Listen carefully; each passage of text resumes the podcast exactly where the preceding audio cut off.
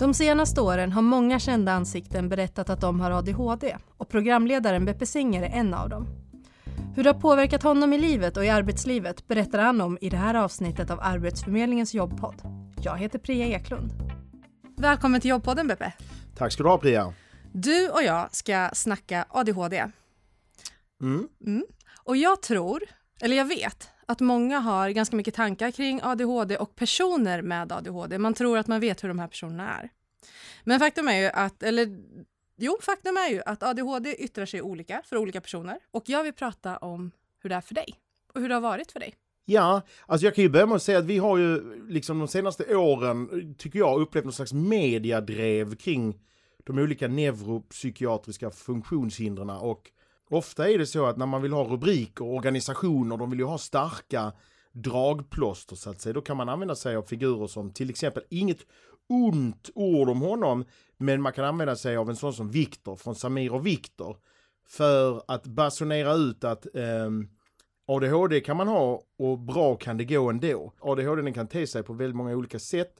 Eh, jag hade behövt fler mellanchefer på posten som pratade om sin ADHD. Ja, och jag till viss del också. Um, ja, för du pratar ju väldigt mycket också om din ADHD och du, det, finns, det finns ju olika sidor av det som vi sa. Och precis som, ja men Viktor har ju valt att se den som en superkraft och det, det, det syns ju utåt i media. Men du har ju också jättemycket synpunkter, eller synpunkter, du har ju också din sida utav det här som du vill visa som är jätteviktig också. Ja, jag tänker så här, jag, jag, nu, vi, vi pratade lite grann om det, för er som lyssnar så pratade jag och Priya precis innan vi gick in i det här mycket dåligt ventilerade rummet om eh, vilka ni som lyssnar på den här podden är. Men jag hoppas på att eh, många av er är ungefär som jag, någonstans mitt i livet med eh, ena foten på väg uppåt och den andra foten hänger kvar i något slags, jag vet inte, ett personlighetsförflutet. Jag har ju under hela mitt liv känt mig som en fuck-up. Det, det finns liksom inga bra motsvarande begrepp på svenska som beskriver, alltså fuck up är, det är ett starkt ord, visst är det så att det kanske är någon lyssnare som rynkar på näsan, men alltså att man känner sig som den ständiga, eh, som ett ständigt misslyckande och att man ofta känner att eh, um, oron och stökigheten som finns runt omkring en eh, är på grund av en själv. Alltså jag har ju gått både då och känt mig misslyckad men också skyldig till så himla mycket. Jag alltid känt att ah, det är mitt fel, det är mitt fel, det är mitt fel. Har bränt allt från eh, relationer till eh, papperskorgar på skolgården. Mm. Och det är först i vuxen ålder då som jag har tvingats på ett sätt kan man säga att söka professionell hjälp för att undersöka om det jag är också kan hamna inom ramarna för det här med neuropsykiatriska funktionshinder. Ja, för du var ju ändå eh, förhållandevis, om man, jag säger gammal, nu säger inte jag att du är gammal, men du, du var ju vuxen, det var ju inte alls länge 38 sedan, år gammal. Ja, som du fick den här diagnosen. Mm, 38. Vad tror du hade varit annorlunda liksom, om du hade fått den, om någon hade fångat upp det här redan tidigare? För du har ju beskrivit själv i olika intervjuer och så, skolan, du har berättat om mattelektionerna, du kände dig dum. Så. Ja, det blev väldigt mycket stök ja. och bus kring mig för att jag hittade inte lugnet i klassrummet Nej. och jag är uppväxt i en eh, en, en eh, tid i historien där stökighet var direkt eh, förknippat med någon slags, ja men att man var, att man var störig, att man helt enkelt inte brydde sig om Nej. hur de andra hade det. Att det handlade om att man inte ansträngde sig tillräckligt. Idag vet vi bättre, idag vet vi om att alla vi människor som är annorlunda, som inte klarar av att sitta i ring och lyssna på fröken när fröken berättar sagor, vi kan ha andra anledningar till varför det sprätter kroppen på oss än att vi inte bryr oss. Och jag, för mig, det här samtalet, det blir ju väldigt personligt för mig därför att mm, ja, min dotter går igenom en liknande process nu, hon är sju år idag, eh, som jag har gått igenom de senaste två åren. Så min förhoppning till exempel, för att svara på din fråga, hur tror du att det mm. hade kunnat se ut? Eh, förhoppningsvis så kommer jag kunna hindra att min dotter eh, lever större delen av sitt liv med ett självförakt, med dålig självkänsla, med, med ångest, med dåligt samvete. För alla de här känslorna, de skapar ju liksom en... Eh, på, efter ett tag så, så börjar man ju själv förlika sig med att man är den personen. Det börjar med att du hör lärare och andra i din omgivning säga att du är stökig, du är dålig, du är jobbig och till slut så börjar man ju själv, det blir som någon slags inre mantra. Jag är stökig, jag är dålig, jag är allt det där. Och förhoppningsvis så eh, genom att, i, att jag nu, en, jag tillsammans med min fru i tidig ålder försöker skaffa rätt sorts hjälp för vår dotter så kan vi hjälpa henne att bryta de här negativa tankebanorna. För hon är där, precis som jag var när jag var sju år gammal. Jag trodde att det var mitt fel att Iran låg i krig med Irak på den tiden. Det var mitt mm. Eller att eh, mina föräldrar bråkade, att det var mitt fel. Att, eh, att jag gjorde någon illa. Att det var för att jag var en ond människa, för att jag tyckte om att göra folk illa. Men det handlade ju bara om att jag inte hade någon impulskontroll överhuvudtaget. Samvetet fanns där alltid, empatin fanns där, men impulskontrollen fanns inte där. Mm. Så om, om jag hade kunnat hitta, hjälpa min dotter att hitta rätt idag med rätt sorts medicin kanske, eller verktyg eller vad det nu kan vara, så hoppas jag att hon slipper gå igenom det som jag har gått igenom, som troligtvis väldigt många av våra lyssnare också har gått igenom. Liksom det här mm. med att man aldrig riktigt hittar hem. Men hur känns det nu när, när du fick den här diagnosen? Känner du att du på, kan jobba med det på ett helt annat sätt? Liksom, känner du fortfarande det här självföraktet? Och, eller har du kunnat... Är det liksom, ja, okej, okay, det är därför. Det har inte varit mitt fel. För mig, jag vet inte hur det är för andra människor som har diagnostiserats, men för mig var det absolut inte någon slags sån här hevreka moment där jag bara, ah yes, nu fattar jag. Utan när den läkaren som diagnostiserade mig sa du har ADHD, definitivt, du tillhör definitivt den nedre kvartilen, de här två procenten som utan tvivel har problem, eh, problem med ADHD. Då, då, min första tanke var bara fan, fan, fan. Okej, nu har jag fått ytterligare en stämpel. Då är det en jävla... Då har jag en jävla sjukdom också. Som aldrig går att bota. Eh, och sen efter det så har jag ju liksom börjat att testa olika sorters mediciner.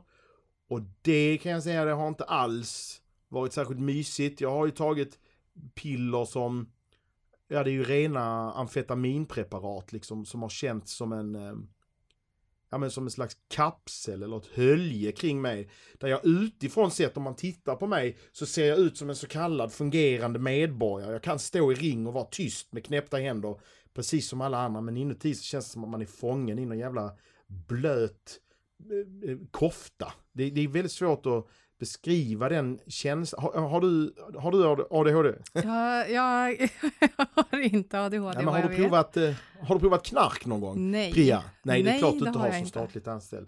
Men eh, det obehag, och det har kanske jag gjort. Jo, men det har jag gjort. Det är jag öppen med också att under väldigt många år så behövde jag snabbt hitta en stänga av-ventil för allt som snurrar runt i mitt huvud. Så jag har ju missbrukat eh, opiater, sådana här receptbelagda smärtstillande tabletter för att få det lugnet. Det som människor upplever till dagligdags har jag varit tvungen att liksom peta i mig med hjälp av kemikalier. Eh, men när man tar en sån här tablett, framförallt de här, eller en, enbart de här centralstimulerande tabletterna, så är det precis som att det går 20 minuter och så kickar det in. Du känner dig flummig, liksom, nästan hög. Och sen så håller det i sig till eh, eh, sent på kvällen och så, och så kickar det ut då, eller vad man ska kalla det för. Och det är en jävligt obehaglig känsla att leva med och tänka att jag ska behöva ta de här tabletterna faktiskt känna mig som en jävla narkoman om dagarna. För att jag ska funka. funka. Mm. Men, men jag vill säga, jag vill också säga att jag menar, anledningen till att jag sökte hjälp den här vändan eh, var ju för att eh, jag har en familj idag. Jag har en fru, jag har två barn och Eh, vad ska man säga, the stakes were higher, vad heter det? Jag hade mycket mer att förlora mm. den här vändan än när jag kanske 10-20 år bak i tiden bara kunnat bränna mina förhållanden och gå vidare. Jag kände att jag måste. Jag har provat liksom alla möjliga former av terapi och ut och jogga. Eh, det här, jag vet, ni filmar inte det här men du kan ju säkert intyga att jag, jag är inte den joggiga typen. Alltså maratonlöpartypen men... Du är inte den ojoggiga typen. Nej, men, men Eh, Eh, jag har provat en massa och, och, och känner att jag var tvungen att göra det här nu för att få mitt familjeliv att gå ihop. Därför att och, det, och det, det, jag tycker det här är en jävligt viktig detalj i de här diskussionerna. Eh, ADHD eh, tycker jag, eh, för mig i alla fall, i mitt huvud så känns det lättare att resonera kring ADHD.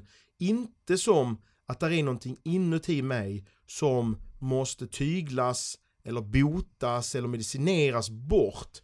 Utan det handlar om att jag själv ska hamna i en miljö där min problematik kan bli en styrka.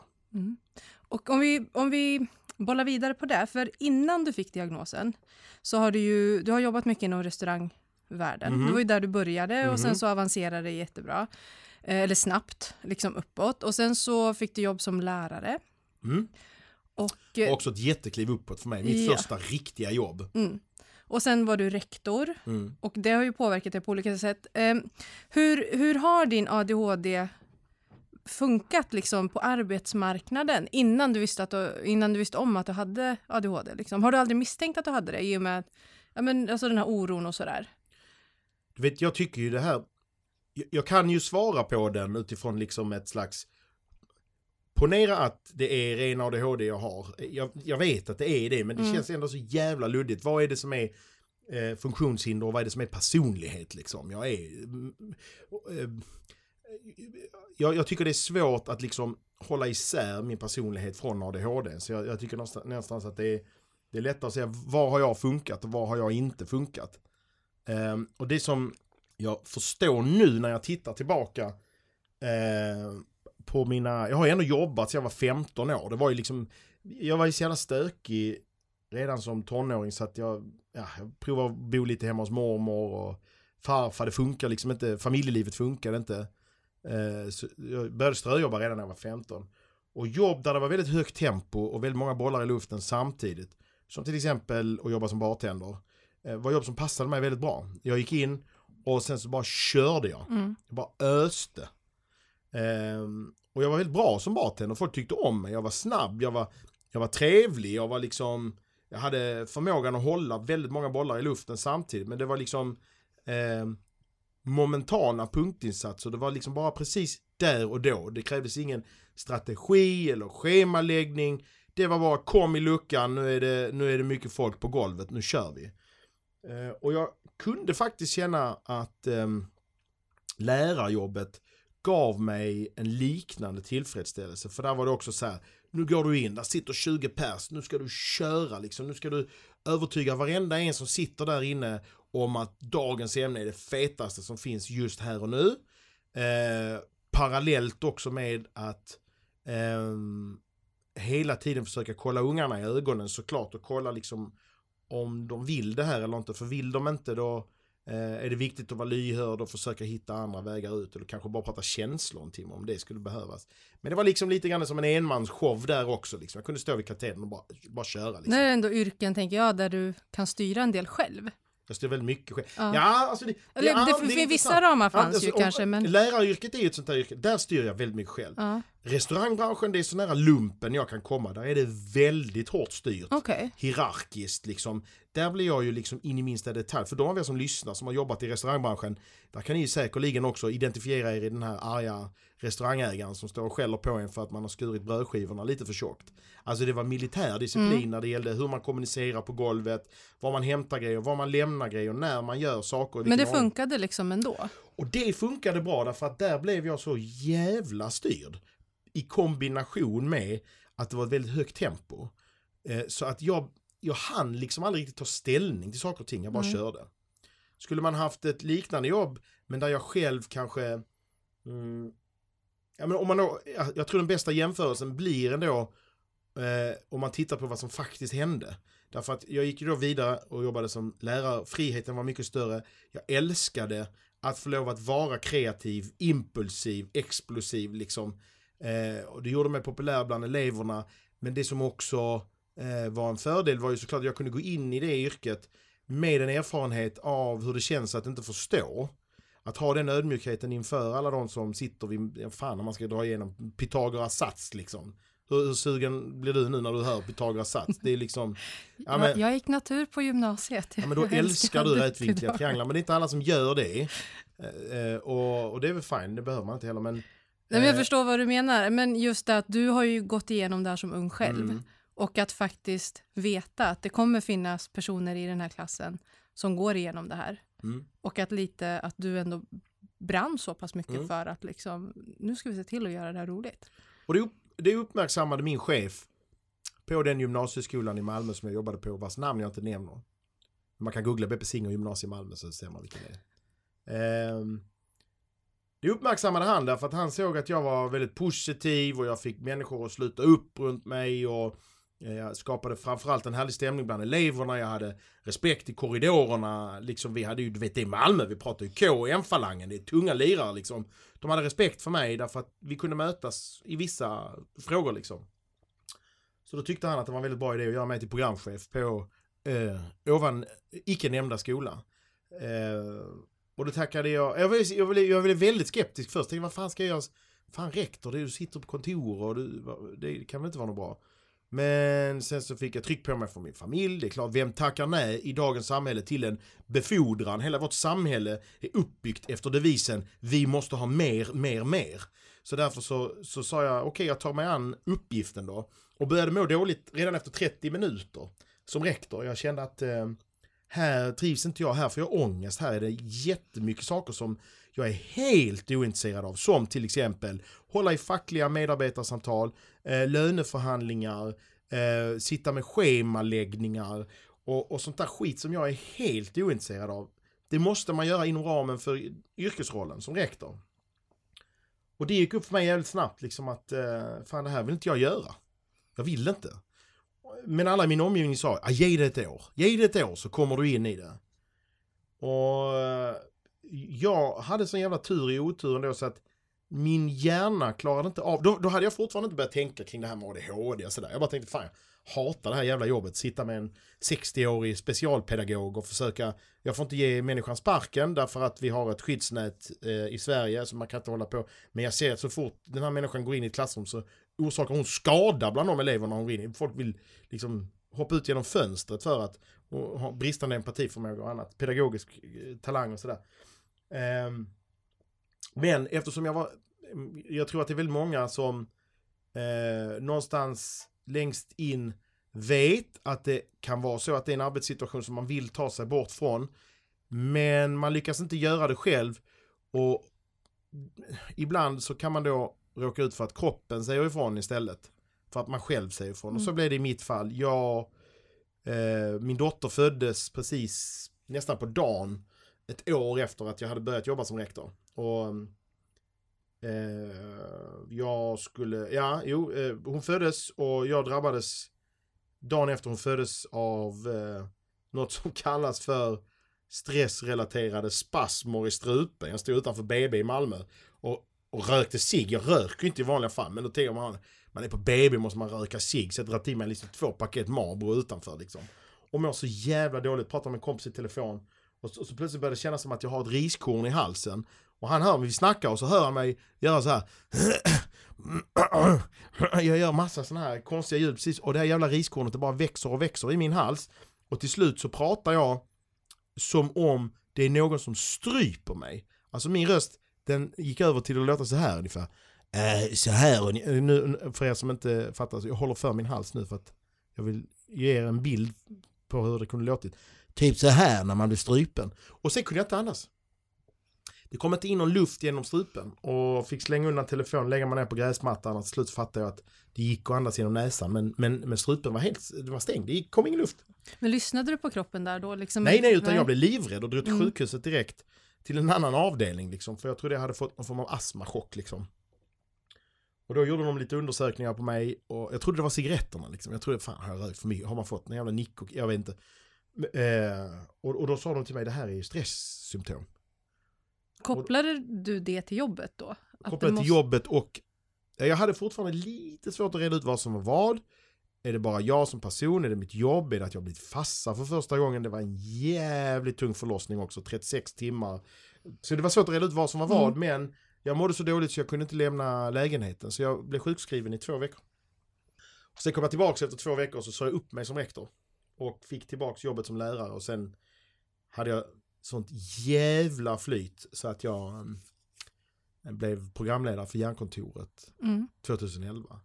Så, så alltså här blev det väldigt tydligt för mig att, eh, att eh, med den typen jag är, eller med den typen av diagnos jag har, återigen, jag vet inte vad som är vad, så blir det väldigt tydligt att sitta stilla och utföra någon annans agenda som man kanske till och med också ibland känner är moraliskt helt jävla förkastlig. Man kan inte ens ställa sig bakom de här jävla besluten.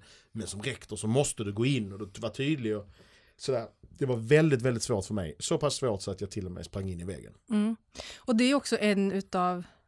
Det finns ju väldigt många fördelar med ADHD. Alltså det är kreativitet, man orkar energi och det är liksom allt det där. Men fallgroparna finns ju också. Och som du beskrev nu då, som jag förstår, att just det här med ja, men det här är inte intressant för mig, då är det ju väldigt svårt att kanske utföra de arbetsuppgifterna.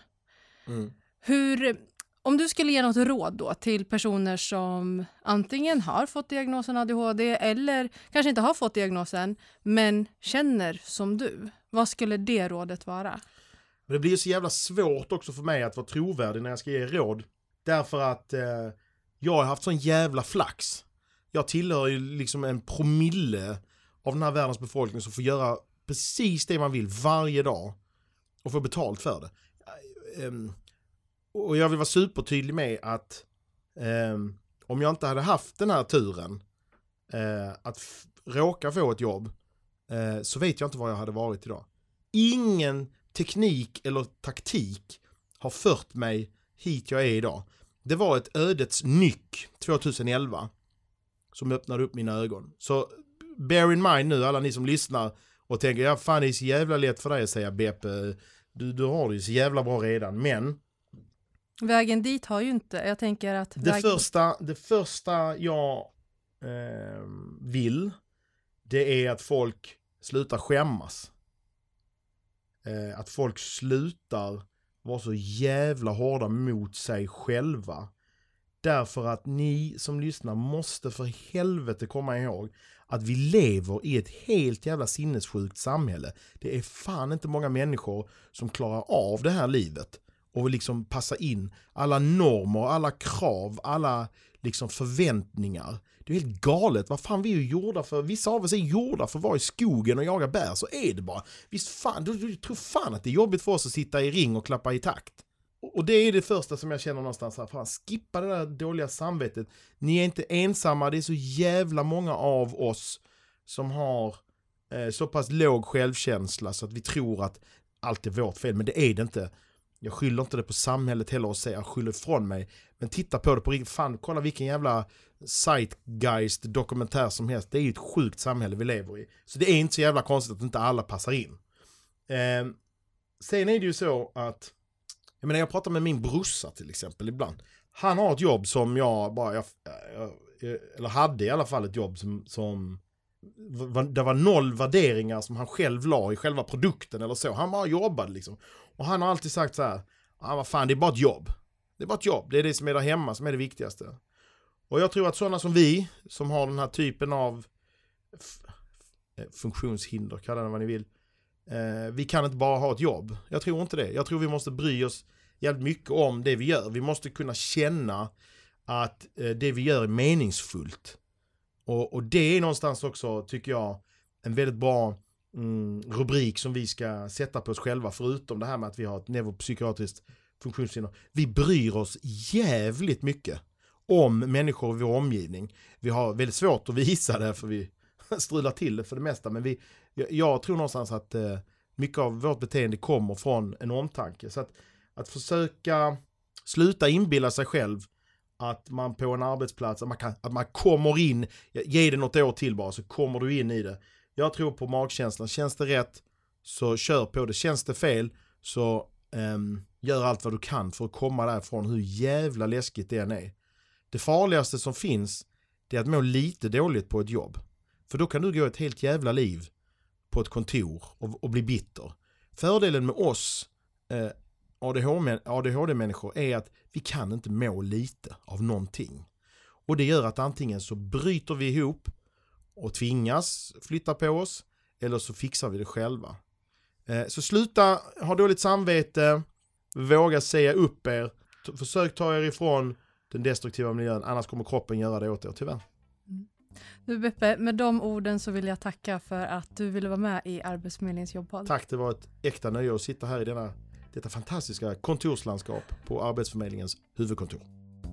Du har lyssnat på Arbetsförmedlingens jobbpodd med mig Priya Eklund och veckans gäst Beppe Singer. Inspelningsansvarig var Andreas Damgård. Nästa vecka är vi tillbaka med ett nytt avsnitt och då handlar det om Arbetsförmedlingens olika roller. Vi hörs då!